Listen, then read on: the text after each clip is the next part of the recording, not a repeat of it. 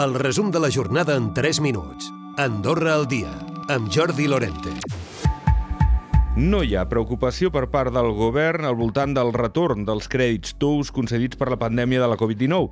Ha d'abonar als bancs més de 2 milions que se sumen al milió executat l'any passat. Ara són 69 empreses que per motius diferents no han fet els pagaments, 7 d'elles per fallida.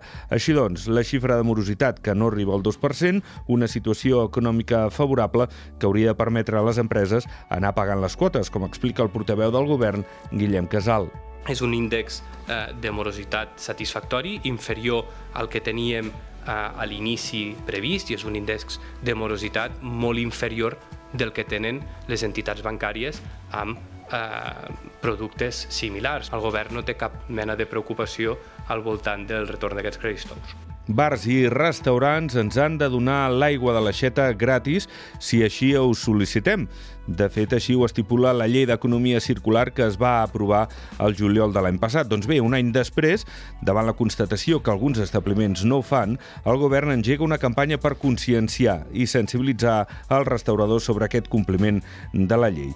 Una llei que recull aquests dos punts concrets, com recorda Guillem Casal. La eh, obligatorietat, sempre que es demani, de proveir d'aigua gratuït, d'aigua de l'aixeta gratuïtament als clients dels establiments de restauració i que també es puguin endur eh, els aliments que no han sigut consumits en el marc d'un repàs en aquests establiments de restauració. Per tant, aquesta mesura ja està vigent i aquesta campanya informativa és per recordar que aquesta situació ja és així i, per tant, que si algun client ho demana, eh, doncs pot gaudir eh, d'aquest servei. Casal assegurava que en el cas que es trobi alguna irregularitat s'iniciaria el procés sancionador corresponent.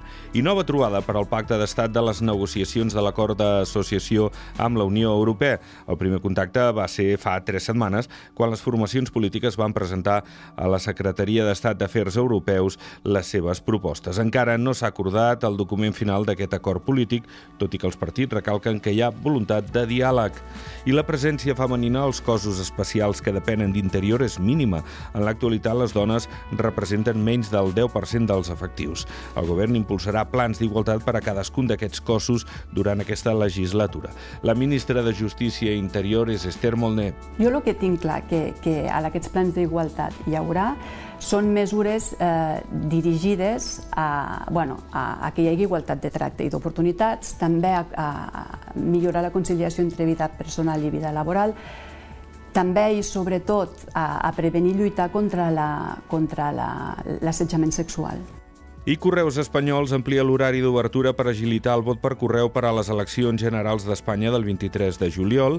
A part d'atendre de dos quarts de nou del matí a dos quarts de tres de la tarda, ara ho farà també de 4 a 7 de la tarda. El termini per demanar el vot per correu s'acaba el dia 20. I 51,7% d'ocupació hotelera al mes de juny és la dada que representa una xifra rècord en aquest mes des del 2011, quan la Unió Hotelera va començar a recollir les dades. Recupera el resum de la jornada cada dia a AndorraDifusió.d i a les plataformes de podcast.